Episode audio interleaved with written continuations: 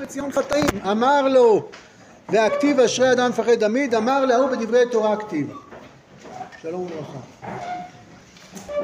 מסכת ברכות עניה פרק תשיעי קע"ד אז הגמרא מספרת על תלמיד שהלך אחרי רבי שמעאל ברבי יוסי ורבי שמעאל ברבי יוסי ראה שהוא מפחד אמר לו חטאת מי שמפחד הוא חוטא אמרו למה יש פסוק כזה יש פסוק פחדו את זה אבל יש פסוק גם הפוך שאשר אדם מפחד תמיד ההוא מדברי תורה אומר הרב הפחד יבוא מפני מצב הנפש שאינו דומה ומתאים אל המציאות הכללית כי כל דבר בעניין המתאים אל המציאות הכללית אין לפחוד ממנו. יש אה, משהו בריא מאוד בפחד. פחד זה מערכת אה, התראה שהקדוש ברוך הוא שתל ברוב חסדו. בתוכנו יש שתי מערכות אה, התראה שמספרות לנו שצריך להגיב. מערכת הכאבים ומערכת הפחדים, מתנות טובות. נורות אזהרה שמצפצפות, כשכואב משהו אז הבעיה היא לא הכאב, הכאב הפיזי אני מתכוון, הכאב הפיזי מספר לך שאתה הולך לפגוע בצורה קשה מאוד בגוף שלך ותגיב, אל תמשיך לרוץ, אל תמשיך להשאין את היד על המקום הזה כי זה חמור מאוד. אז הכאב הוא אה, מתנה טובה. האם הכאב אה, ישלוט בי? זה כבר שאלה אחרת. אני זה שמתייחס לתמרורי האזהרה ואני מחליט עם הדעת שלי, עם התבונה שלי, עם הערכים שלי האם אה, לפעול בהתאם או לא לפעול בהתאם, בדרך כלל כדאי להגיב זאת הכאב לא שולט בי, אבל הכאב מבשר לי משהו, מספר לי משהו. ואני צריך להכניס את הנתונים האלה לתוך מאגר השיקולים שלי ולהחליט איך נותנים מענה, וככה גם הפחד. הפחד הוא תופעה מאוד, מאוד, מאוד, מאוד אה, מבורכת, היא, היא תופעה חיונית, אי אפשר לחיות בלי פחד. אתה מתהלך בחיים ופתאום קורה אירוע מסוכן ואתה לא יודע על זה. אז התת מודע שלך משדר לך שמשהו פה מאיים עליך. אתה מתהלך בג'ונגל ובחרש, בצללים, עוקב אחריך נחש. אתה לא שם לב לזה, אבל משהו בך שם לב, ומשהו משדר לך סכנה, סכנה. יש איזה הסברים ביוכימיים מאוד פשוטים איך הפחד עובד. יש בלוטות שמפרישות כל מיני הורמונים, ואומרות לך להיות דרוך לקרב עכשיו, עכשיו אתה תעזוב את הכל ותתמקד בעיקר ותהיה נחוש. הפחד הוא קריטי, הפחד הוא מתנה מבורכת. אוי לו למי שלא מפחד, זה בעיה נפשית, בעיה של חוסר יכולת לתפקד. אלא כמו הכאב, הפחד לא שולט בי. לא כדאי שהפחד, לפעמים אני עושה דברים למרות שכואב לי. לפעמים אני עושה דברים למרות שאני מפחד. הפחד הוא גם לא אומר לך לא לעשות, גם הכאב לא אומר לך לא אומר לך לא לעשות. הפחד והכאב אומרים לך תגיב, תגיב, תתייחס, תהיה מודע. אל תחיה בעולם מדומיין כאילו הכל פה עמי מנוחות. לא. האם אני צריך לשנות את התוכניות שלי? ממש לא. לפעמים כן, לפעמים לא. אנחנו הולכים למלחמה ויש איזשהו אה, תמרורי אזהרה שאומרים לך מלחמה, מלחמה, סכנה. האם אני אחליט לברוח, לא לברוח? אי אפשר, הירא ירח הלבב זה לא מי שמפחד, הירא ירח הלבב זה מי שנכנע לפחד. מי שהפחד שולט בו ומשבש את כל שיקולי הדעת שלו. לכן הפחד כשלעצמו הוא תופעה מאוד מבורכת וחיובית. פה לא מדובר על זה, פה לא מדובר על סיטואציה מסוכנת. לא מדובר על תמרורי אזהרה. בשביל שרבי שמואל ברבי יוסי נמצא ביחד איתו והוא רואה שהוא מפחד מדברים שהם לא מפחידים. הוא רואה שהוא אה, אה, דמות מפחד, טיפוס מפחד שמגיב באופן לא אה, שקול ולא נכון למציאות. כשאדם מפחד ו, והפחד הזה לא, לא, לא קורה בגלל הדברים שבחוץ. זה, זה מבט מודאג ומפוחד מהחיים, על זאת, זו הסיטואציה שהגמרא פה מדברת עליה, אבל זה הרב כותב שהפחד יבוא מפני מצב הנפש שאינו דומה ומתאים אל המציאות הכללית. בעצם פחדים הם הם לא פחדים מפני העולם שבחוץ, באמת.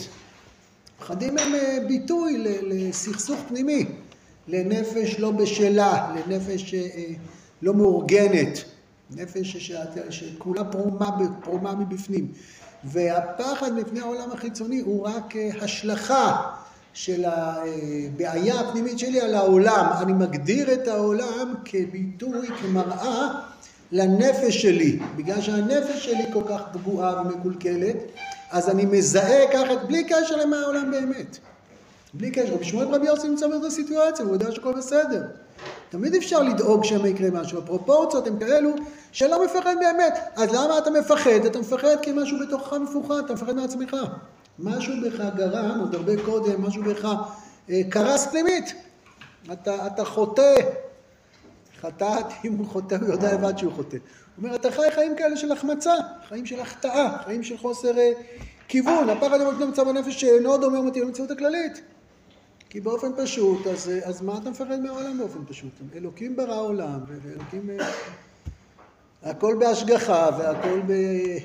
מחדש בטובו בכל יום תן מעשה בראשית, והטוב שולט בעולם. העולם קשה, העולם מסוכן לפעמים, העולם מאתגר. האתגורים האלה תובעים מאיתנו לצמוח, לגדול, לתת מענה, להתייחס, רק לא. יש את הבעיה ההפוכה מהפחד, הבעיה ההפוכה מהפחד זה הדחקה, בריחה מפחד, התאטמות אל הפחד. יש אין סוף תמרורי אזהרה, והכל בסדר, הכל בסדר, מענישים את, את הצופה, מענישים את מי שמנסה להגיד שיש בעיה. שוב, הפחד נותן נתונים, וזה תפקידו, הפחד הוא דבר חומר לחלוטין. אלא אם כן הוא משדר, אדם חרדתי זה אדם שכל הזמן הוא משדר שמסוכן, מסוכן, מסוכן. לפעמים זה באמת מסוכן בחוץ, לפעמים זה פגיעה אה, גשמית. לפעמים זה איזו פגיעה בבלוטה במוח שמפרישה אדרנלין כשלא צריך, הוא צריך לרופא. אבל אם לא מדובר על שתי הסיטואציות האלה, לא מדובר על בעיה שדורשת טיפול רפואי, ולא מדובר על אה, תגובה למציאות בשטח, אז, אז, אז מדובר על, שוב, על השלכה, העולם שלי בפנים הוא עולם בעייתי, ולכן אני רואה בעולם שהיא בחוץ, עולם ש... הוא גם צודק. ושהעולם החיצוני הוא מתאים אל העולם הפנימי שלי, אל הטוב, אל הצדק. אני חלק ממערך אלוקי מאורגן, מסודר, שלפעמים הוא קשה מאוד, הוא מצער מאוד, זה גם זה נכון. לפעמים כואב מאוד, כן? לפעמים דורש איפוק וסבלנות, נכון. אבל הוא לא מפחיד. זאת אומרת, הפחד הוא זו תחושה של אבדון, של כוחות רעים פתאום פורצים מכל מיני מקומות ויכולים לעשות מה שהם רוצים ולפגוע בנו ומי יודע לאן שהולך וזו תחושה של אובדן. וזה לא נכון, אין אובדן. יש בעל בית לעולם, ואדם בריא, הוא רואה, הוא לפעמים מחליט לא ללכת בגלל הסכנה, גם זה בסדר. מסוכן, אז לא עושים את זה, יכול להיות. דוחים את זה, עושים את זה בצורה אחרת. אבל כל רוגע פנימי, רוגע פנימי זה לא אומר שאני לא נרגש ולא נסער. אבל אני יודע שאני חלק ממערכת. וכשאדם מרגיש שמצב הנפש אינו דומה ומתאים אל המציאות הכללית, המציאות הכללית זה כלל הבריאה, ההוויה כולה. כל דבר ועניין מתאים אל המציאות הכללית, אין לפחד ממנו. משום ששוב, יש דברים שהם אה, יתבעו ממני מסירות נפש, ויתבעו ממני התמודדויות כואבות מאוד, צריך לחזור לזה עוד פעם. אבל בסופו של דבר יש רוח אלוקים שמרחפת על פני המים. בסופו של דבר זה חלק מתוכנית עליונה גדולה מאוד. ולכן אין, אין שום סיבה לאדם אמיתי לפחד בצורה שבמקומות שאין מה לפחד מהם. על כן מי שאין בידו חטא ולא הפסיד ייחוסו אל המציאות הכללית, מי שלא עיוות את עצמו, מי שלא אה, גרם לחלקים מהישיר שלו להיות רקובים, מי שחי בצורה בריאה, אז, אז הוא מרגיש כמו תו מדויק בתוך סימפוניה שלמה. ושום דבר בחוץ לא אה, אה, מאיים עליו בצורה שמביאה אותו לפאניקה כזאת, למצב של, אה, של מי יודע, אדם שהולך ככה מסכן כזה, מי יודע כל מה שבא לטף אותו, בטוח שהולכים לתת לו מכה. כי, כי באמת הוא קשור, רק חוטא, שניתק את נפשו מסדר המציאות הישרה על פי דרכיו המעוותים, הוא יפחוד. הוא יפחוד. עכשיו, הרב פה לא מדבר, כמו שרבי שמעון ברבי יוסי, לא אמר לו, אתה עשית, נו אמרת מודה אני, הוא, הוא לא הצביע לו לעבירה מסוימת. יש חוטא שאני לא יודע בדווקא אם יש פה אה, עבירה מסוימת. המצב נפשי של, של חטא, מצב נפשי שהוא של... אה, אנחנו לא באים עכשיו לבית דין ולהסביר מה הוא עשה, מי שעשה עבירות יודע לבד שהוא עשה עבירה, אבל הוא נתון להלך נפש, שוב אני מזכיר את הביטוי חטא מלשון החטאה, מלשון החמצה, או בשפת הרחוב פספוס, להחטיא את המטרה. אתה לא אתה. אתה לא אתה, אם אתה מפרד מהעולם, משהו בך מזייף, משהו בך לא מכיר את עצמך. נכון. משהו בכלל לא חי את עצמו, לא לחיות את התורה, זה בעצם לא לחיות את עצמי באופן עמוק. אין התמודדות בין התורה, לפעמים התורה קשה, כי קשה לי עם עצמי. אבל שוב, לא מדובר פה על קושי, מדובר פה על משהו, מדובר על, על אדם מפוחד. אדם מפוחד זה אדם שמסתכל על העולם בתור משהו מאיים, ומאיפה יבוא לו, ומאיפה זה ייפול עליו, וכל אדם יכול להיות מנוול, וכל אדם יכול להיות מפלצת, וכל העולם... כאילו כל העולם נגדו, וכל העולם לא נגדו. אולי אתה נגד כל העולם. מכירים את ההוא שנסע ב... נגד התנועה, נכון? אז הוא זה שנסע נגד התנועה, לא כולם התבלבלו פה. אז אם אתה מזהה ככה את העולם, מפרש ככה את העולם, אז זה תוך אה, רשת של פסקאות על הפחד, ואנחנו מתמקדים פה בגלל שאני רוצה להגיע למקום מסוים. ובכלל, לפי מושגי השכל הטהור, אין מקום לפחד. שוב, איזה פחד אין מקום? הפחד הוא בריא וטוב, בוודאי. הפחד גורם לך להיות רגיש, לזהות, להגיד, האויב מתכנן פה התקפה, תבין, אתה צריך ללכת לשם. זה לא יהיה פשוט, לא יהיה קל, אולי יהיה מאוד מאוד מאוד מסובך. אבל פחד שהוא אה, זיהוי של העולם כמקום אה, אקראי כזה, כמקום חסר פשר, כמקום ש... שכל דבר פתאום יכול לקרות ולהרוס את הכל ולקלקל את הכל. אחת ההתמודדויות הכי גדולות עם אה, אבל לא עלינו, עם אובדן, זה גלי ההדף, זה, זה פיצוצי המשנה. ש, שלא לא מספיק שאיבדנו, חס וחלילה, דמות יקרה ואהובה, השם ישמור, אלא שאנחנו, אה, החשש הכבד הוא ליצור מבט כזה על העולם. כי כמו שהמשפחה הזאת איבדה בן כל כך יקר ואהוב, והיא צריכה להתמודד עכשיו בלעדיו, הפחד שזוכה ללב ולופת אותו בידיו הקרות והקפואות ואומר לו, ומי אמר שמחר זה לא יקרה? וכמו שהכל, מי אמר שההרס לא ימשיך להגיע? זה הסכנה הגדולה, זה הסכנה שכולנו צריכים לנחם ולחבק ולעטוף ולעודד ולבקר ולצמוח. לספר שהעולם הוא טוב, לספר שאנחנו לא מבטלים את הכאב הגדול של האובדן. אבל את גלי ההדף לפחות אנחנו מנסים, מנסים אה, לרכך, אבל זה לא הסיטואציה, לא יודע, אולי בגלל זה הבחור הזה היה... אה, אבל הבחור הזה עשה מהפחד שלו אידיאל, הוא הרים פסוק. הוא לא סתם מפחד, יש לו דגל, הוא רוצה להקים מפלגה כזאת, הוא רוצה להעביר שיעורים, הוא רוצה שכולם ילכו אחריו. כתיב אשרי אדם מפחד תמיד, איזה יופי, הוא... אני חושב שבטרע כמעט הוא מזהה פה, הוא אומר, זה אדם אה, ריאלי, אדם אה, מפוקח, אדם שקורא נכון את המציאות, מי שלא מפחד, הוא לא מבין איפה הוא נמצא, והוא חי ב... בדמיונות, הוא מסתיר הכל מתחת לשטיח, והוא לא מבין מה נדרש ממנו ומה נתבע ממנו, זה לא מישהו שאומר, טעיתי, יש לי בעיה. כשמישהו יש בעיה, יש לו בעיה, זה בסדר גמור. יש בעיות, ואנחנו מודעים לבעיות ומתמודדים איתן. אבל הוא מרוצה מעצמו מאוד, הוא אומר, מה פתאום, אדם מפחד תמיד. אנחנו חוזרים לפסקה. על כן, כל זמן שהאדם הולך בדרכי הישור, הוא מתייחס אל השכל ודבק עמו. מתייחס זה מנסה להיות קשור, מנסה להיות שייך, שואף לחיות את האמת הזאת. ההצלחה היא באמת כל אחד ואחד לפי מדרגתו, אבל כשאתה שואף, מנסה לכוון את החיים שלך לפי אמת פנימית, אז אינו מוכשר להיות מתפחד. אינו מוכשר הכוונה, המילה מוכשר פה היא לא כמו שאנחנו משתמשים בעברית שלנו, אין לו אה, מתווה נפשי שיוביל אותו לפחדים, זה הכוונה. הוא לא בסטטוס אה, אישיותי שיגרום לו להיכנס לבהלה מכל משהו לא מוכר ולא ידוע, ובטח זה מסוכן ובטח זה בעיה ובטח, העמדה הנפשית שלו היא אחרת, הוא בריא. אמנם באבותו דרכו, ויצא מדרך השכל יעשה או דמיון, אז כבר יש מקום לפחד, נכון? אם אני לא איש של שכל, אם אני לא איש של אמת, אם אני לא איש, אם אני איש שאני נוטה רק אחרי מה ששופט את העולם, לפי הדחפים שלי, לפי יצרים שלי, לפי הלחצים אה, החברתיים והתרבותיים שמופעלים עליי, אז במצב כזה אני שופט העולם אחרת לגמרי, אני מעוות את דרכו, אז כבר יש מקום לפחד, כי בסדרי הדמיון יש הרבה בעלות נוראות, נכון? על כן, מאן דמפחיד אינו כי אם חטא. שוב, הוא לא עשה עבירה, אבל במבט של העולם הוא מבט של החמצה, מבט שממילא יוליד חטאים רבים אחר כך. כשאתה מזהה את העולם כמקור קר ועוין, מסוכן, אז, אז אתה, כוחות הנפש שלך הם נהיים יותר מדוכאים, יותר מפוחדים, יותר קבועים, ואתה לא, אתה לא יכול לחתור למגע, אתה לא יכול לחיות בשמחה, אתה לא יכול להיות עם יצירתי ושמח. רק שהעולם הדמיון, עולם של מוסר, עולם שלא מזהה את אלוקים, אז באמת תמונת העולם היא, היא מאוד מחרידה. כשאנשים כאלה הם אלה שמבשלים לנו את המפגש עם העולם, אנשים כאלה שהם אחראים לתווך לנו את מה קורה בעולם, הם ספקי המידע, הם מארגנים לנו את, את חלון הראווה של העולם, אז אנחנו רואים מה קורה בעולם, כל הפרשניות מגיעים דרך האנשים שעולם הדמיון שלהם שולט בהם. אז העולם שהעיניים שלהם משקפות לנו, משקפות להם וגם לנו, כי להם יש את עמדות השידור. אז הוא עולם אה, מסובך מאוד, כואב מאוד, מפחיד מאוד, בטח, אבל מפחיד מאוד. הוא עולם שמי יודע מה אחריתו ומי ישורנו, משום שספקי המידע שלך הם ספקי המידע שאתה חייב להפעיל להם סינון, אתה חייב אה, להחליט מי, מי בעל הבית על, אה, על המוח שלך, מי בעל הבית לספר לך מה...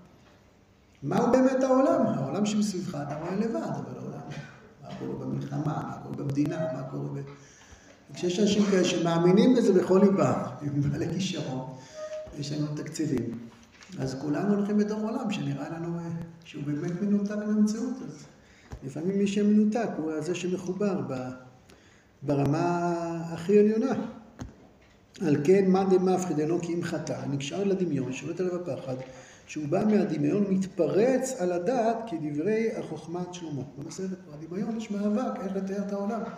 הדמיון הרבה פעמים הוא מצויר כמשהו מפחיד, אתה שומע נביחות כאלה של כלב מאחוריך, ואתה חושב שהוא יבלע אותך עוד מעט, אתה מסתובב, אתה רואה כזה קטן, יש לו נביחות כמו של להקת כלבים. אז בסדר, יכול להיות, בשביל זה יש לנו דעת תבונה, בשביל לחקור, לברר, אז זה נראה מפחיד, זה מפחיד.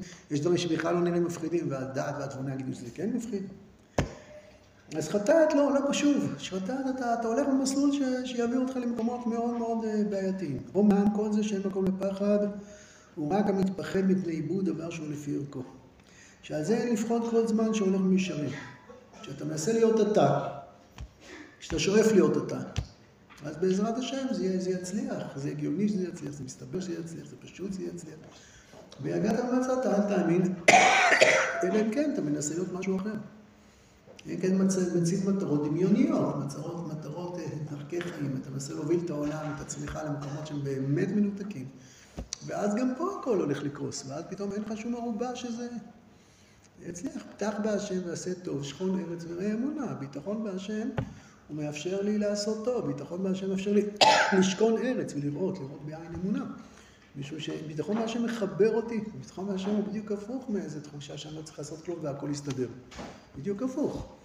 הביטחון האמיתי בהשם, הבת של מישרים בעולם, הוא בת שיצליח, בעזרת השם יצליח, בטח. אני מרים פרויקטים, יש לי תוכניות. חלק מרצון השם, אני הולך לעשות העולם יפה יותר, עשיר יותר, שמח יותר, מהיר יותר, טוב יותר. אז עשה טוב, אז אתה מתמלא רצון להתקדם. אבל אם אתה, שוב, אני חוזר מה שהרב אומר, אם אתה חי בעולם מנותק, אם אתה לא קורא את המציאות נכון, אתה רוצה דברים שהם מי אתה ואיפה הם, אז באמת אין סיבה שזה יצליח. אז מה הבעיה? אבל כשאדם נותן לקנות ערכים ומעלות גדולות מערכו, מה? היא מעלת דברי תורה, אשר רמה ועיקרה עם ערכו של אדם. למה כתוב אשרי אדם מפחד תמיד? ההוא בדברי תורה. בדברי תורה לכאורה, בסדר, בשלב א', זה רק לכאורה. בשלב ראשון, לכאורה באמת, זה גדול עליי, אני לא ראוי. אדם ישר, אדם יקר, אומר, זה גדול עליי. יש לי שאיפות, חלומות, אני הייתי שמח, אבל אני רואה את הפערים, אדם שלא חי בהכחשה, אדם שלא חי ברמייה, מזהה את הפערים הגדולים בינו לבין החלומות שלו. אנחנו מקווים שיש פערים גדולים בין החלומות שלו, אחרת זה לא חלומות. ואז... ואז הוא באמת הולך מדוכדך כזה, ואז הוא אומר, אני... אה, אין לי סיכוי, זה לא יצליח, זה כישלון, והרב מגבה את זה לכאורה. מעלה דברי תורה שרמה ויקרה עם ערכו של האדם. פה יש מקום לפחד, גם בהיותו הולך בית ישרה, וגם פי השכל הטהור, ולא צלע הדמיון. כי העושר הגדול והערך הרב, כי העושר גדול והערך רב היא נפרד ממנו. אז לפחד כזה יש מקום, חכו רק רגע. על כן, פה לא כדאי לסיים פה את הפסקה. על כן, אף על פי שפחד זה לא יזיז את האדם מנוחת נפשו, שהרי כיוון שהוא משים לב אל זה הפחד והוא זוכה בחלקו, שאין דברי תורה נאבדים באמת, כי מי שח... במי שחפץ לעבדם. אבל מי שתקפה עליו נשנתו, סגולת התורה זורחת עליו. יש פה איזה משפט מובלע שבעצם אליו כיוונתי, איתו רציתי להיפגש. הרב כותב שבסוף הכל טוב, יש סוגריים כאלו שבסוף הכל טוב. אבל אם נדלג על הסוגריים, מכל מקום, לפחד קל המעורר לזהירות יש כאן. תפקידו של הפחד, שאדם מפחד תמיד, זה באמת להיות מודע, שהדברים לא פשוטים כל כך. וצריך להיות רגיש, וצריך אה, להיות מודע לסכנות ולזה שזה דברים. מה כתוב בסוגריים האלה שהרב כתב? הרב כותב שלמרות שאשרי אדם מפחד תמיד, אבל בעצם גם בזה לא צריך לפחד. נכון? זה מה שהמשפט שבלוע פה. אז בואו נפתח אותו. המשפט אה, בנוי על אה, משנת פרקי אבות. פרק ט', פסוק, משנה ג' מי אומר אותם שם? רבי דוסטאי ברבי ינאי משום רבי מאיר, כמדומני. כל השוכח דבר אחד משנתו, מעלה עליו כתוב כאילו מתחייב בנפשו. זו משנה מפחידה. כל השוכח דבר אחד משנתו, מעלה עליו הכתוב כאילו מתחייב בנפשו. יכול אפילו תקפה, שנאמר, פן תשכח את הדברים אשר ראו עיניך. ופן יסור מלבך כל ימי חייך. לא, פן תשכח דברים אשר עיניך. יכול, ככה הוא שואל, יכול, אפילו תקפה עליו משנתו, תלמוד לומר, ופן יסור מלבך כל ימי חייך. אה, אינו מתחייב בנפשו, עד שישב ויסירם מליבו. יש פה שלושה מצבים ביחס לדברי. המשנה אומרת, קודם כל, כל השוכח דבר אחד משנתו, מעליו כתוב כאילו, מתחייב בנפשו, אה, כמדומני, בלי דומני, אה, מה שאני זוכר, מה שלמדתי, שזה לא נפסק להלכה. המשנה הזאת, חוץ מאדמו"ר הזקן, בהלכות המותורה. אדמו"ר הזקן בהלכות המותורה פוסק את המשנה הזאת להלכה, שמי ששוכח דבר אחד משנתו, חייב מיתה, וזה שאדמו"ר הזקן פוסק את המשנה הזאת, זה בעיקר מלמד אותנו מי זה אדמו"ר הזקן, נכון? זה נראה לנו אה, תביעה על-אנושית. לא לשכוח פעם אחת למדת משהו, פעם אחת שכחת משהו, ומתחייב בנפשו. מתחייב בנפשו, בואו לא לרקוד. פשט המילים הוא גרוע מאוד. פשט המילים הוא בעייתי מאוד. אז אם פעם אחת בחיים כשאדמו"ר הזקן בעצם טוען ככה, אז קודם כל מלמד אותנו שהוא לא שכח דבר אחד משנתו. הוא לא שכח. אבל שאר הפוסקים אומרים שזה לא היום, בעיקר בימינו כשהידע התורני הוא אה, פחות נשען על הצורה. יש לנו ספרים, פעם כל התורה הייתה בעל פה.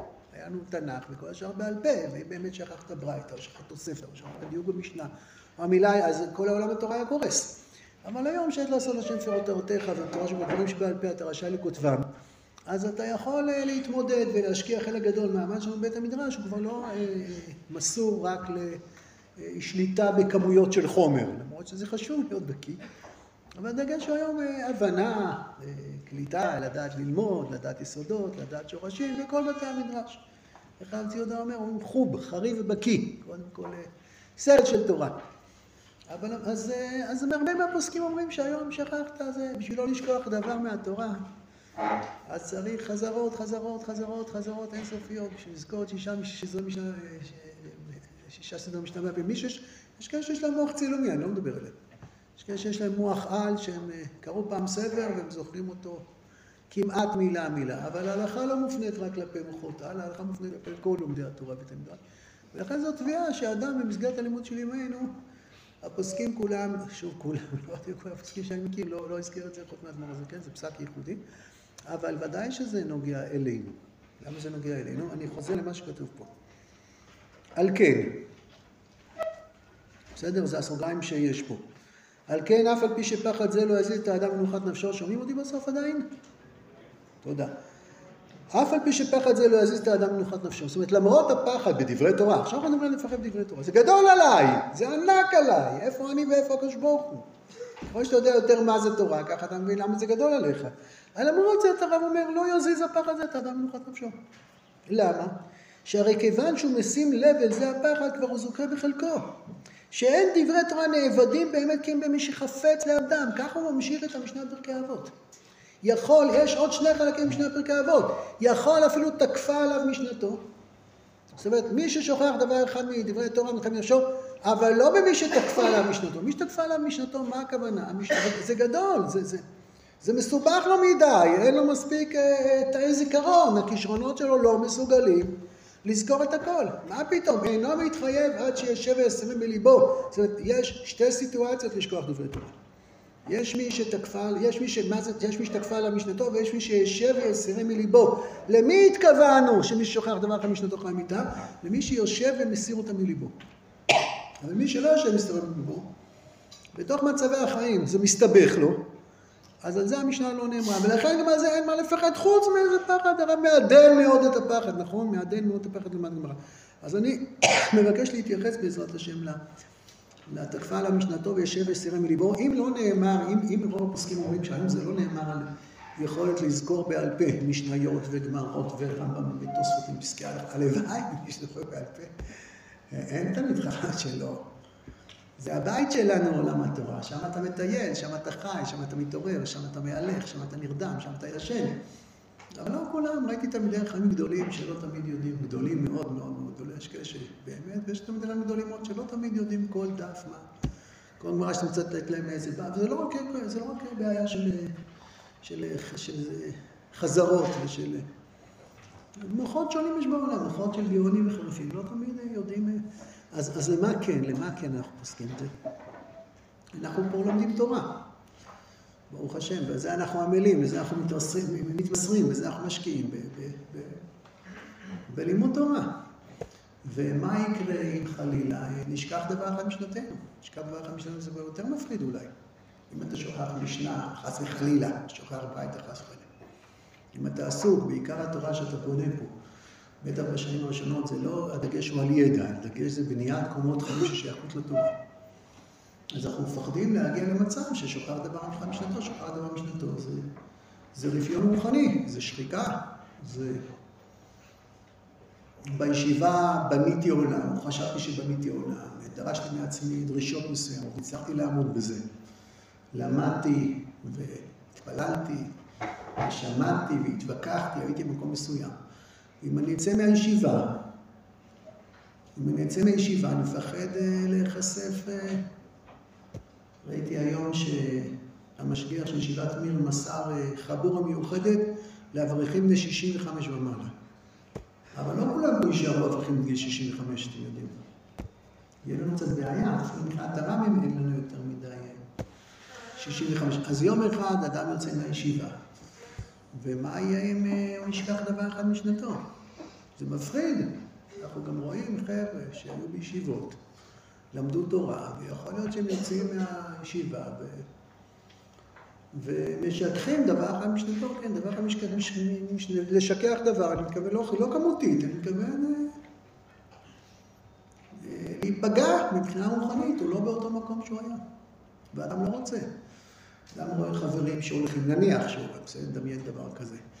דמיון מפחיד, והם יוצאים אה, לצבא, ואחרי כמה זמן אתה פוגש אותם, והם אה, שכחו במרכאות דבר אחד משנתם, ואתה לא רוצה דבר אחד משנתם. אתה לא רוצה מפחיד, מסוכן שם. אז אתה שוקל, אז אולי אני לא אצא. אולי אני אצא יותר מאוחר, אולי אני אצא בצורה אחרת, כי מסוכן שם, כי מסוכן שם, כי מפחיד שם. מחוץ לישיבה, באמת מפחיד מחוץ לישיבה דרך אגב. אבל פחד זה דבר טוב. פחד הוא לא טוב בשתי מצבים. פחד הוא לא טוב כשהוא לא משקף את המציאות נכונה. אם רוצה לשקף את המציאות נכונה, כן. ומה עושים כשפחד משקף את המציאות נכונה? אז ממשיכים בדרך. חייל יוצא למלחמה. מאות אלפי אה, אחים שלנו אה, יוצאים למלחמה והם מפחדים. גם להיות בחברון יכול להיות זה מפחיד, אז מה עושים? אז נותנים מענה לפחד, חושבים בהיגיון איך לנוע בצורה בטוחה, איך לתת מענה, איך להישמע להוראות פתיחה באש, בטח שלא, לא בזים, לא בחוסר אחריות. מתייחסים לפחד ויוצאים לקרב. יש אה, מציאות כזאת שאם מפחיד אז אתה בורח, שזה הפחד, אה, זה הפחד המופרז, אתם יודעים, בעקבי הצאן, הספר, ספר הכניסה לארץ ישראל, עקבי הצאן, אז אחד המאמרים הראשונים זה מאמר הפחד. פחד זה מחלה של גלות, בגלות באמת היה מפחיד, בגלות לא היה אפשרות לתת מענה. בגלות חלק גדול מהפתרון היה אה, לברוח. היה פוגרום, אז ברחו, היה פוגרום, ברחו, מה, מה יכול לעשות פוגרום? יכלו להסתער כולם על אה, בארי ועל כפר עזה, לנסות להציל, מי יכול להציל? ברחת כמה שיותר רחוק, וניסית לשכוח את הצעקות של אלה שלא הייתה לך שום יכולת להציל אותם. אנחנו חיים במקום אחר, ישראל לא תוכל להתנהל כשהדגל שלנו, כשה... זה אשרת המפחד תמיד לעשות מזה אידיאל. אז אנחנו מסתכלים על החיבור של תורה ושל החיים, למשל צבא למשל. השאלה הגדולה היא למה אדם נשאר בישיבה. למה אתה נמצא פה? זאת השאלה הגדולה. יש סיבות מופלאות למה להיות פה. אבל אנחנו לא שואלים הסיבות שכתובות בספר שאני אומר אותן. כל אחד בלבו פנימה. פנימה. אנחנו חיים בישיבה לא בגלל, אני מקווה שאנחנו מפחדים מהעולם. אה, כן, יש אנחנו מפחדים מהעולם. מפחדים פחד בוגר, פחד טוב. פחד שאומר לך, החמאס מתכוון למלחמה, אז אל תלך לישון ותוריד כוננות. בטח שלא תברח. אז תאסוף כוחות כדי לשבור את הראש, כדי לרסק אותו. פחד זה דבר שגורם לך לקרוא נכון את המציאות, שוב. פחד זה נורת אזהרה ואתה משתמש בה. משתמש בה כדי, כמו כאב, בדיוק. משתמש, כשאתה מחליט להשתמש בה. וכשאנחנו רואים מצבים בחיים, העולם הוא גם מסובך. לא כל מי שעזב ישיבה אחרי כמה שנים, באמת הצליח לשמור על אותה עבודה רוחנית. יש כאלה שעלו מאוד, יש כאלה שירדו. יש סיפורים, זה נכון. אז אה, אני מדבר על השאלה שאני אוהב לדבר עליה. אה, למה להישאר בישיבה? למה בישיבה? למה ללמוד תורה? את זה אני לא שואל בכלל. כי לומדים תורה כל החיים. והגית בו יום ולילה. לא בשביל זה באים לישיבה, אתה לימד תורה כל החיים. אז למה להישאר בישיבה? זאת השאלה. אולי מתוך השאלה הזאת נחזור לשאלה למה אני מבחין. אז אנחנו נעבור רגע לפסקה של ל"ד, אני אעבור עליה מהר מהר, גם היא לא מחדשת יותר מדי, ונחזור אולי לשאלת הפחד. בשל"ד זה פסקה אחת מתוך אה, מאות. אבל אה, זה חלק מברייתא, שלפתוח בכבודה של אכסניה, ורבי יהודה, ראש המדברים בכל מקום, אה, פתח ודרש בכבוד התורה. ומשה ייקח את האוהל ונתן לו מחוץ למחנה. משה אחרי חטא העגל יוצא מתוך המשכן ושם את האוהל שלו בריחוק של אלפיים אמה. ועלו דברים קל וחומר. משה וביחד, עוד לא בנו את המשכן, אז ארון העדות אצלו. ולא דברים, אה, לוחות הברית, ולא דברים קל וחומר. ומה אהרון שלא היה מרוחק אלא י"ב מיל אמרה תורה והכל מבקש השם יצא אל אוהל מועד. כולה 12 קילומטר, זה מרחק. פחות מ-12 קילומטר, ומי שהלך ל-12 קילומטר האלה, איך קוראים לו? קוראים לו מבקש השם, זה מדרגה, זה, זה קריאת כיוון, זה, זה תואר עליון מאוד להיות מבקש השם. תלמידי חכמים שהולכים מעיר לעיר וממדינה למדינה ללמוד על אחת כמה וכמה שמה? שנקראים מבקשי השם, ככה מסביר רש"י. אומר הרב, כדי להאיר את הקדושה הצפונה בנפשות ישראל, אחרי שכיסה עליהם עוון אבק העגל, אבק עוון העגל, אחרי הפיצוץ, אחרי הטיפול, אז ענני האבק שקעו מעבר לפצעים, מעבר לכאבים הגדולים, מעבר לנזק, אז האבק שוקע. האבק זה הלכלוך, תופעות הלוואי. הייתה התרופה הרחקה של אוהל מועד מן המחנה. למה? למה דווקא עכשיו? למה זה התרופה? כדי שתצא אל הפועל התשוקה הפנימית לאור השם הצפונה בליבן של ישראל על ידי ההשתדלות ההליכה בצמאון. זאת אומרת, עם ישראל לא באמת ניתק מן התורה בחטא העגל. עם ישראל נשאר תורה, זה לא יעזור לו, עם ישראל הוא תורה. אבל הבעיה הגדולה ביותר בחטא העגל, שזה גרם לחוסר אמון, זה גרם לפקפוק בלבבות. שרבים מעם ישראל האמינו, אז אנחנו לא ברי אחר, אנחנו לא מאמינים. איך בונים את זה? איך בונים מחדש? איך בונים את ההכרה הפנימית? איך משתחררים מה, מה, מהתסבוך הפנימי בדעת בדמיון שתופס לבבות רבים מעם ישראל? אז מה הפתרון? להוציא, להרחיק את, את, את אוהל מועד מהמחנה. ואז מה? אם אתה יוצא אל אוהל מועד, אתה מעורר את התשוקה הפנימית לאור השם הצפונה בליבו של כל אחד, על ידי השתתפות בצמאון. ומזה נראה, הרב מסיק מסקנה, מה רב הוא כוח הגילוי של התשוקה לדברי תורה מתגלה בפועל על ידי הנדידה והגלות לשתות בצמא את דבריה. כשאנחנו רוצים להיפגש עם אלוקים, אז אחד היסודות, בטח כשאני נמצא במצב של בעיות באמון העצמי שלי, כששאלות זהות ואני לא בטוח אם זה כן מדבר אליי ולא מתאים לי, אז אנחנו בונים אה, גלות. גלות, אה, שם זה גלות מובנית, שם אפשר היה כביכול להשאיר את אוהל מועד בתוך, בתוך המחנה, אבל דווקא הוא מוציא את המשכן, לבית המדרש שלו. דווקא. כדי... פעם פגשתי תלמיד חכם גדול מאוד בעם ישראל, שיהודי מבוגר, צדיק גדול, הוא אמר, אני הייתי רוצה להעביר שיעורים על איזה גבעה בודדת מרוחקת באמצע הלילה, ורק מי שיסכים לבוא, לשמוע עד לשם בשעה הזאת השיעורים האלה, אז, אז זה מעניין אותי. אה, להיות מבקשי השם, להיות מבקשי השם זה, זה השתדלו לך בצורה, תראה, הרבה פעמים אדם לא יודע שהוא בצמאון. לא תמיד התורה אה, נחווית כמתוקה וקלה וטעימה, זה קשה מאוד, לפעמים זה דורש מאמצים גדולים מאוד, לפעמים זה עונג צרוף, אבל זה לא תמיד. והאדם אה, אה, שמחליט בליבו לגלות, מה זה לגלות? לגלות זה לצאת מהמקום הבטוח והנעים שלי. לגלות זה להסכים לשלם מחירים, לגלות זה להסכים להקריב קורבנות. לגלות זה, זה למדוד, זה להסכים להיות פתוח, ולוותר על משהו, ואז אתה שואל את עצמך עד כמה היא שווה לך. והגלות יותר משהיא נותנת משהו, היא, היא חרתה לך בנפש את הוודאות הזאת שאתה מוכן לשלם עליה מחירים יקרים. על מתי אתה מוכן לשלם מחירים יקרים? שזה שווה את זה, שווה את זה. ביום יום אתה אולי לא מודע, ביום יום אתה נאבק אם אתה מוכן לשלם אפילו מחירים זולים, אבל נותנת סיטואציה שמרחיקה את, ה... את, דורשת מחירים מאוד מאוד כבדים, צריכים מתנכים נודדים מעילים. אני לא יודע, אתם באמת, רוב האנשים פה לא גרים בחברון, אבל זה לא משנה, הנדידה פה לא, צריך להיות, לא צריכה להיות גיאוגרפית. מצבים של קושי, מצבים של אה, בקשה, מצבים של השקעה, זה מה שיוצר את עומק הקשר לתורה. מה עליו הכוח? הגילוי של התשוקה לדברי תורה מתגלה בפועל. מה מתגלה בפועל? שאני משתוקק. לא, לא, ההשתוקקות הזאת היא מצב רומנטי מאוד נחמד וחביב. כשיש לך את זה, אשריך וטוב לך. לפעמים אין לך את זה. ואתה קרוע ומתלבט אם לוותר על זה או לעשות את זה, אם בסופו של דבר אתה מצליח לקבל החלטה כזאת, אז זה מגלה לך, זה, שהתשוקה קיימת בפנים, זה גם מעורר את התשוקה הזאת, זה מוודא לך איפה אתה נמצא. המתגלה מפועל על ידי הנידה והגדול שלו בצמא לדבריה, כי התשוקה נובעת מעומק הלב המרגיש את תנועה מהתורה. הלב מרגיש את תנועה מהתורה. האם הנפש מרגישה את התורה? לפעמים. אבל הלב כן, וכשמביאים את הלב לסף החלטה, כשמאיימים על הלב, ואומרים הלב זה מה יש, אז הלב יוצר אה, דיונים מאוד מאוד עמוקים. ואם תקבל בסוף הכרעה, אז אתה מבקש השם, מבקש השם זה דבר אצולה שאין אה, למעלה ממנו. כי התשוקה נובעת מעומק הלב ומרגיש נאום התורה, משהו יותר נשגב מכל יקר שיוכל להתכנס פה הלשון. אז אחרי חטא העגל, בואו נעשה שמשה רבנו יעשה שיעורים מיוחדים, יעשה אה, משמרות של לימוד תורה, נר תמיד, ויומם ולילה לא יכבה, ובואו נארגן תפילות ציבוריות, ובואו נ...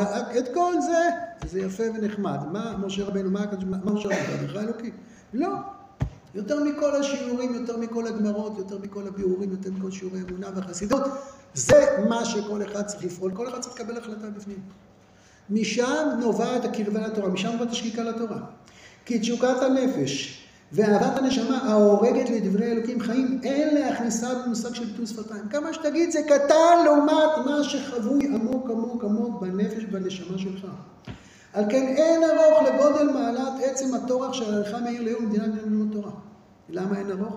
המורה על חמדת הנפש הפנימית, אתם שמים לב, כל הזמן הרב כותב, הנפש הפנימית, הנשמה, זה לא החוויה שלך, אם בחוויה שאתה משתוקק דבר תורה, הכל בסדר, אשריך, אתה לא צריך לעשות שום דבר.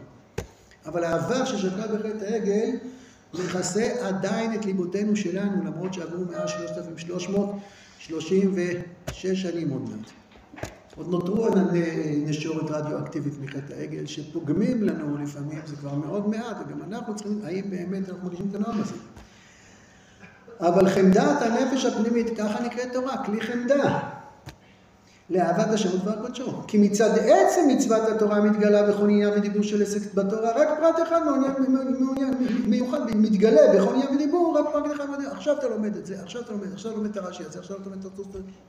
אבל בעצם קבלת ההכרעה, אתה דבק פה בעצם התורה, בשורש הפנימי.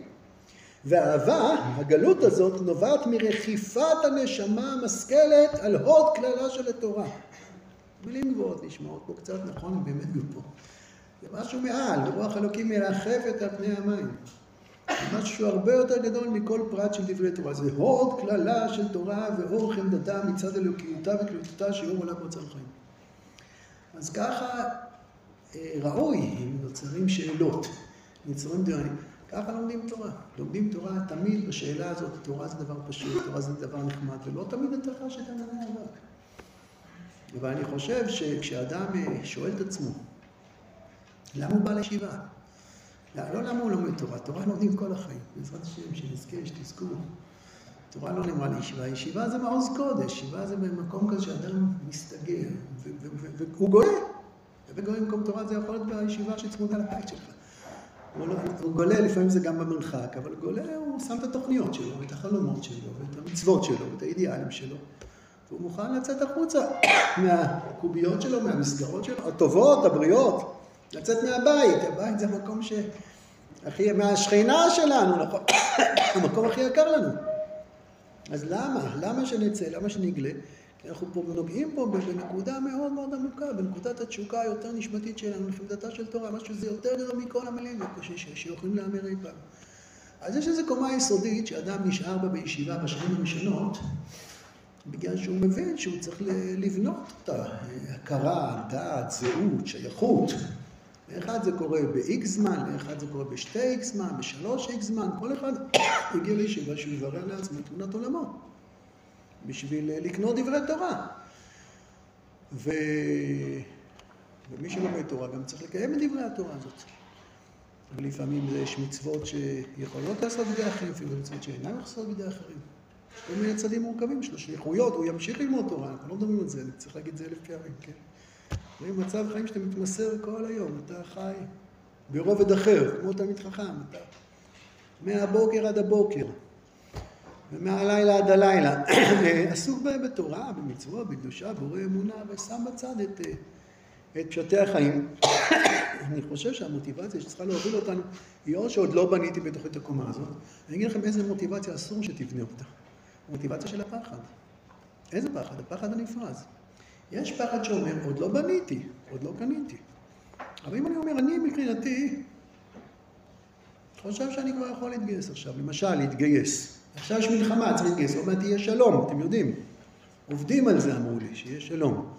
אז בעזרת השם יצליחו שיהיה שלום, אז לא יהיה צבא. כל אחד, זה לא משנה, זה לא להיום, זה נכון עוד אלף שנה ולפני אלף שנה ולפני אלפיים שנה, זה תמיד, זה נכון לנצח. אז מתי האדם נמצא אה, אה, אה, כל הזמן באוהלה של תורה? כשהוא מלא הרגל לתורה, כשהוא מלא תשוקה לתורה. הלוואי, אשרי כל מי שחשקה נפשו לגדול עוד ועוד ועוד, כמה אומה חסרה אנשים כאלה, איזה איכות חיים צומחת פה, כמה קודש, כמה יופי.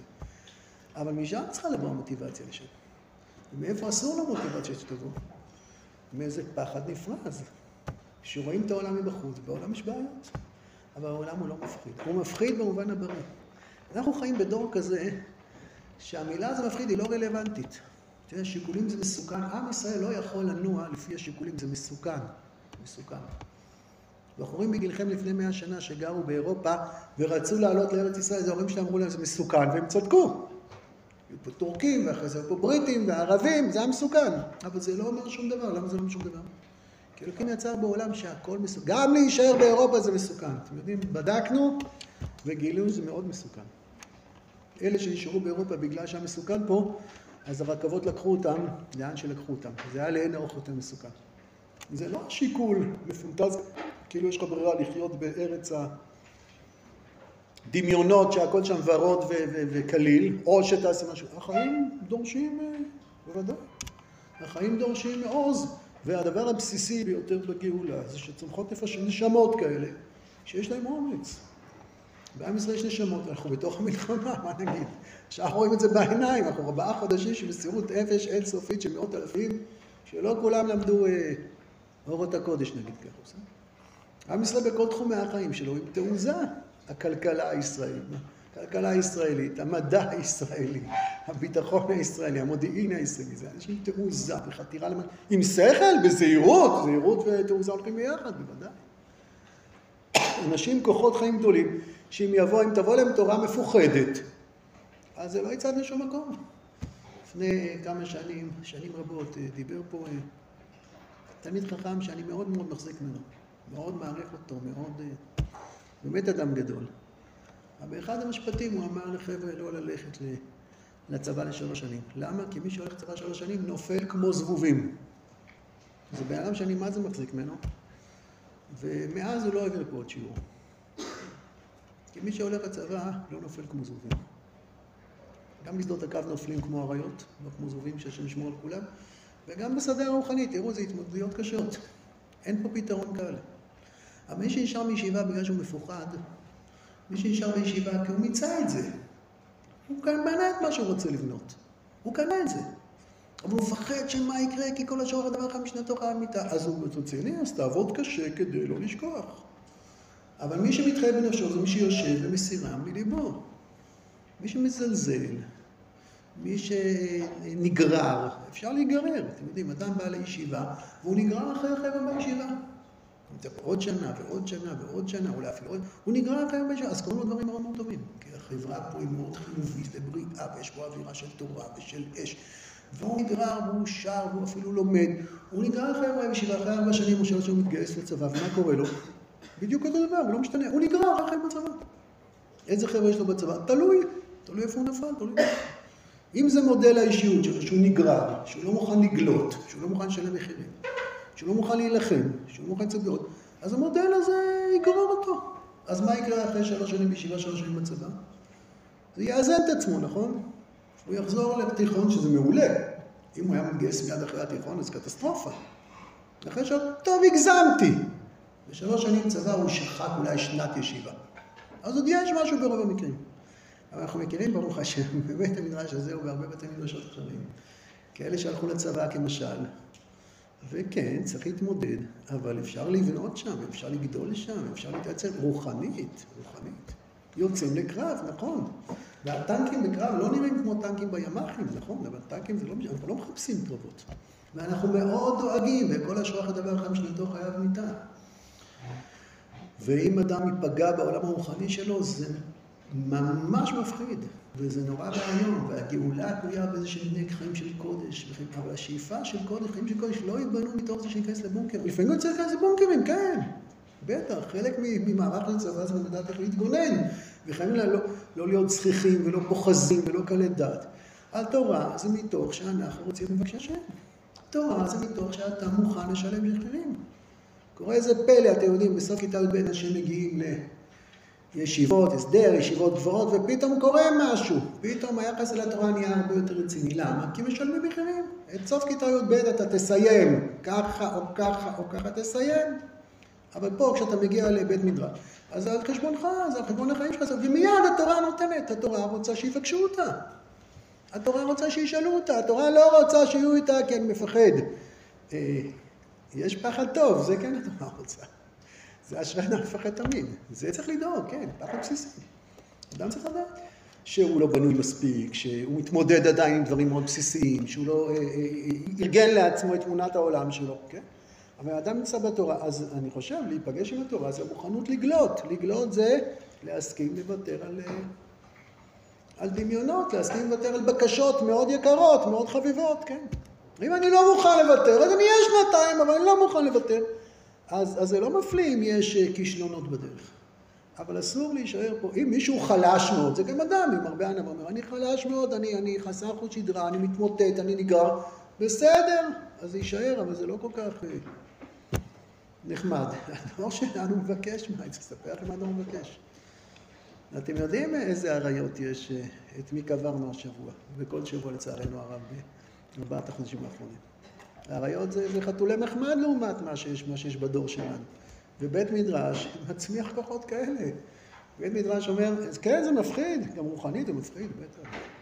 זה מפחיד לצאת למסגרת שהיא לא תומרת, זה מאוד מפחיד. ואם אתה יודע שאתה לא בשל, אם אתה יודע שלא לא יכול לסחוף בפק"ל, אל תצא לקרב. מה, אתה מטורף.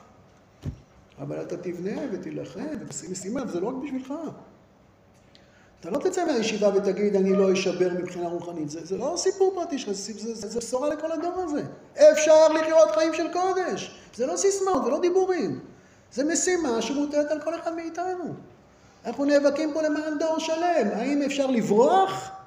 שזה חשוב. ושוב, יש שלבים שכן, אני צריך להיות בבונקר, בוודאי.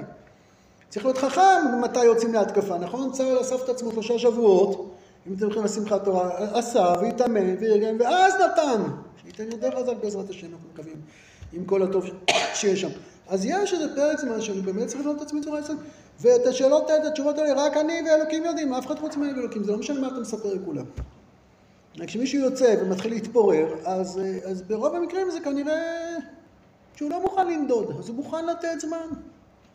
ישיבה, אם באת לישיבה כדי שתהיה איזו השפעה סביבתית עליך, כשתסחף אחרי החבר'ה, אז התועלת היא מועטה. היא גם, גם בזה אסור לזלזל. היה פה באווירה טובה, אבל, אה, אבל נצטרך להתפעל חזק כדי לא להיות מופתעים.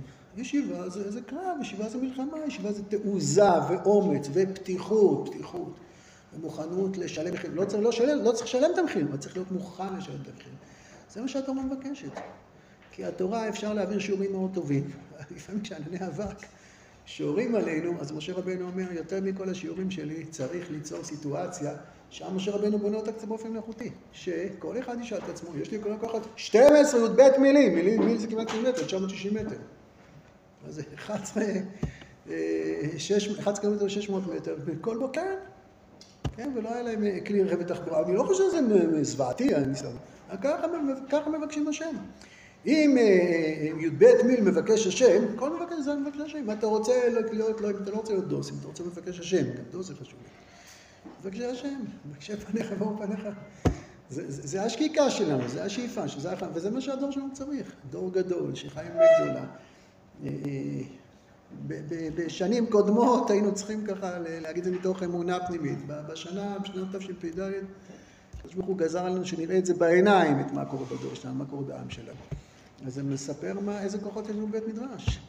ואם מישהו בוחר במסירות נפש גדולה להישאר עוד שנה ועוד שנה, קדוש יאמר לו, מתוך בקשת השם. אבל לא מתוך הפחד, הפחד הפנימי, לא מתוך הפחד הנפרז, לא מתוך זה שבחוץ לא נופלים כמו זבובים. לא נופלים, בטח לא כמו זבובים. אם נופלים, נופלים כמו אריה שנפצע, חובש את עצמו, סוגר את עצמו וממשיך בקרב בעזרת השם. ולהציב על לוח המודעות את הכשלים ולתאר, הפגיעה היא נוראית, כי אם תישאר פה, אבל תישאר פה, תאבד את האמון שלך, שאתה מבקש השם. תאבד את התקווה, תאבד את האופק, תאבד את המבט, תאבד את החיים שלך ותאבד את השליחות שהיית יכול לספר לכולם. אז יש פה איזו עמדה כזאת שאומרת, אשרי אדם מפחד תמיד דברי תורה, נכון? אז זה פחד יוצר, פחד ענב, פחד גאוני, פחד שיודע לקבל החלטה מתי בניתי פה את התשתית, ומתי אני יכול. אני לא יודע מה, מה השיקולים של כל אחד, לאן ללכת בצבא, ללכת בצבא, אני גם לא צריך לדעת. אה, שיבוא ממקום אמיתי. ואם אדם בונה את עצמו, אז הוא ילך, ואם הוא רוצה להישאר פה, אנחנו מבקשים שמי שנשאר פה, אנחנו צריכים לבקש זה ככה, ברוך השם. אם אתה רוצה להישאר עוד שנה, אנחנו נשמח מאוד מאוד. מי שרוצה להצטרף לסיירת של עוד שנה, ולהגדיל תורה, מתוך איזה אה, אה, רז פנימי שעמוק עמוק באישיותו, הוא צריך לנדוד, הוא צריך לנדוד ולהסכים יותר על המון המון דברים, ולהגיד, אני מתוך ערגה פנימית, אנחנו מייצרים סיכות כאלה עם רקע אדום, אבל הן שקופות, רק אלוקים רואה אותן. ונשים אותם על החזה, וכתוב שהוא היה כל מבקש השם. וה, וה, והתואר הזה, זה תואר צולח, כתוב כל החמי תורה בלילה, חוט של חסד זורח על פניו ביום. זה חוט שקוף. מי יכול לראות את החוט הזה? מי שצריך רואה את החוט הזה, יגדיל תורה ויאדירו.